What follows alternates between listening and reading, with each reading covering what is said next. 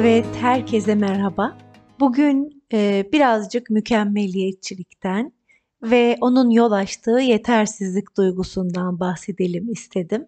Özellikle onay ve destek vermeyen ebeveynlerle yetiştiğimizde ve daha sonra e, çevrenin de tabii ki katkılarıyla içimizde hep böyle bir eksik varmış gibi, bir şeyleri tam yapamıyormuşuz gibi ve o mükemmel sonuca hiçbir şekilde ulaşamıyormuşuz gibi bir his ortaya çıkabilir.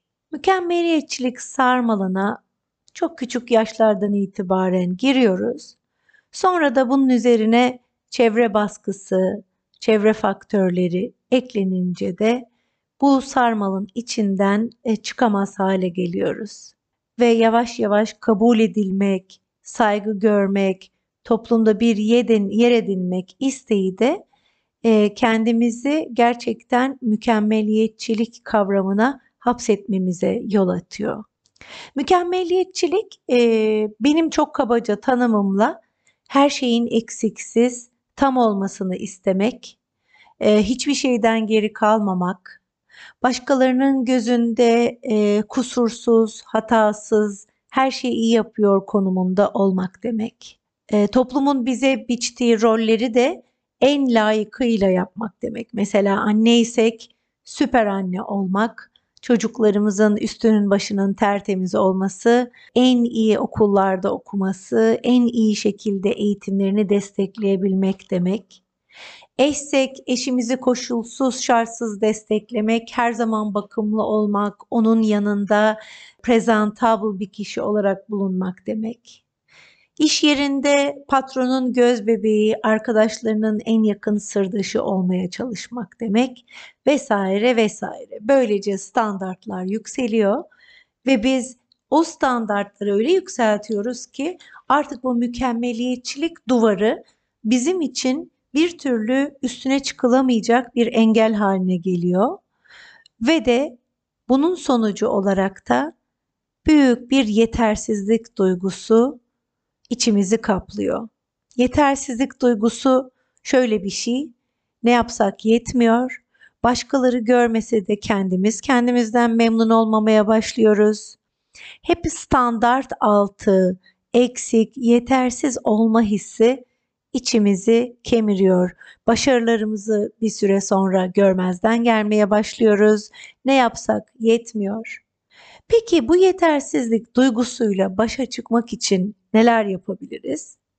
Ben şöyle kabaca kendi yaşamıma da bakarak danışanlarımın da yaşamlarından gördüğüm kadarıyla hepimize özgü bazı şeyler toparladım. Birincisi insan olduğumuz için belli bir miktar yetersizlik hissinin doğal olduğunu kabullenmek çok önemli. Yani bir miktar, çok ufak miktar belki yetersizlik hissi bizim gelişmemizi, ilerlememizi, yaşamımızı bugüne kıyasla daha güzel hale getirmemize vesile oluyor.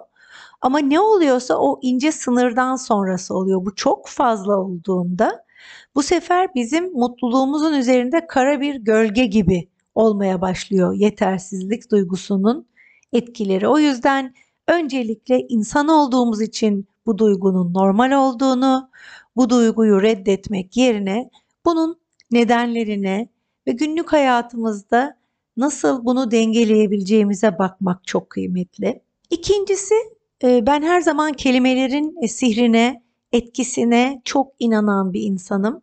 Benim şahsen hayatımda da kullanmadığım, kullanmamaya çalıştığım, ailemde de e, kullanılmasını, kullanılmamasını teşvik ettiğim bazı kelimeler var. Mesela e, zor kelimesi. Zor dediğimiz zaman ya da bunun başarmak çok zor, bu beni aşar gibi e, terminoloji kullanmaya başladığımız zaman bir süre sonra gerçekten de öğrenilmiş çaresizlikle artık o şeyi kesinlikle kendimize layık görmüyoruz ve orada derin bir e, mutsuzluk ve eksiklik hissi içimizi dolduruyor. Bunun için şöyle bir e, kelime ben önermek istiyorum. Henüz kelimesi. Henüz kelimesi e, hangi cümleyi kuruyorsak kuralım arkasından gelen için bir eee, motivasyon kelimesi yani enerjiyi yükseltiyor. Mesela spor yapamıyorum yerine henüz spor yapamıyorum. Ya da kilo veremedim yerine henüz kilo veremedim. Eee, bana bana bakma bakmadı, benimle ilgilenmedi yerine henüz bana bakmadı dediğimizde otomatikman beynimizde şöyle bir şey oluyor. Bunun olabilirliğine dair bir pencere açılıyor. Bu da tabii ki yetersizlik duygusunu e, dengeleyecek çok önemli bir panzehir e, işlevini de bence görüyor. E, üçüncüsü ama maalesef çok kullandığımız bir kelime ama ama e, ama yerine ben ve kullanmayı öneriyorum. Mesela biraz fazla yedim şu aralar ama e, spor da yapmam lazım.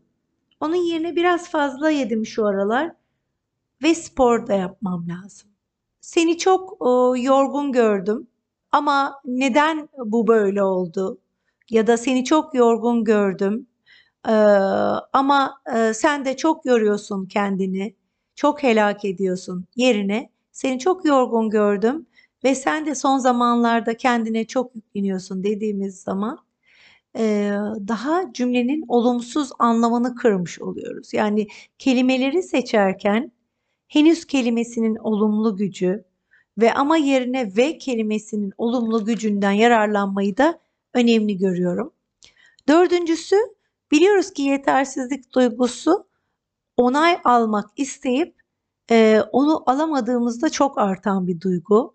Yani birisi bizi alkışlamadığında, yaptığımız işi görmediğinde e, bir şekilde e, yaptığımız her şey değersiz hatta kendimiz de değersizmişiz gibi bir his gelebiliyor.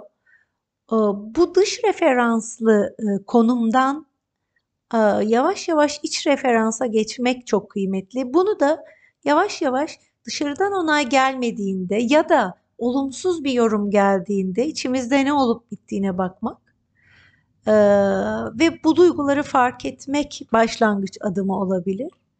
Ondan sonra yavaş yavaş kendimizi gerçekten neyin motive ettiğini ve kendimizin ne yapmak istediğini belirleyip onları yapmak ve kendi duyduğumuz tatmine odaklanmak bu dışarıya ve dış yorumlara bağımlılığı da e, azaltacaktır ve yetersizlik duygusunu da azaltacaktır.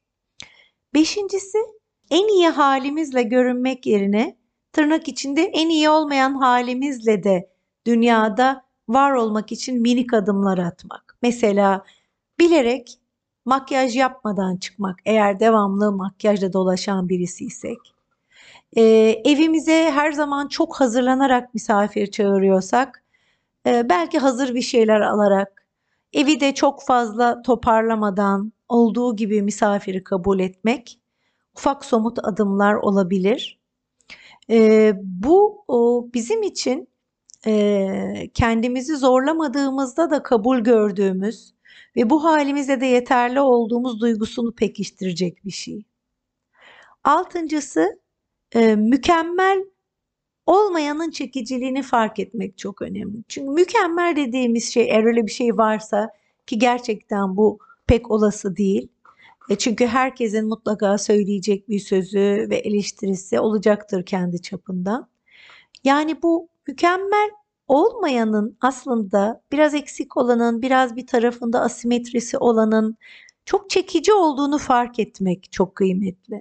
Çok daha e, gelişim alanı e, olan e, ve çok daha e, sürprizlere açık bir insan olmak, henüz sürecimizi tamamlamamış olmak, bunu kabul etmek, bu yolda araştırıyor, soruşturuyor, soru sormaya cesaret ediyor olmak çok önemli ve aslında diğer insanları da bize samimiyet açısından yaklaştıran bir şey. Son olarak da yaptığımız paylaşımlarda etraftan nasıl göründüğümüzü çok önemsediğimizde her zaman iyi giden şeyleri, yaptığımız başarıları e, vurgulayıp onları ön plana çıkarıyoruz. Ama minik minik belki başaramadıklarımızı, yolunda gitmeyen şeyleri hayatımızda hiç şimdiye kadar yapmadıysak belki paylaşmak yakınımızdakilerle, iş arkadaşlarımızla yapabildiğimiz kadarıyla, paylaşabildiğimiz kadarıyla ve onların bizim mükemmel olmayan tırnak içinde hayatımıza rağmen bizi desteklediklerini, bizi dinlediklerini görmek e, yetersizlik duygusunu yavaş yavaş üstümüzden e, silkmek için vesileler olacaktır. Hepinize güzel bir gün diliyorum. Sevgiyle kalın, anda kalın.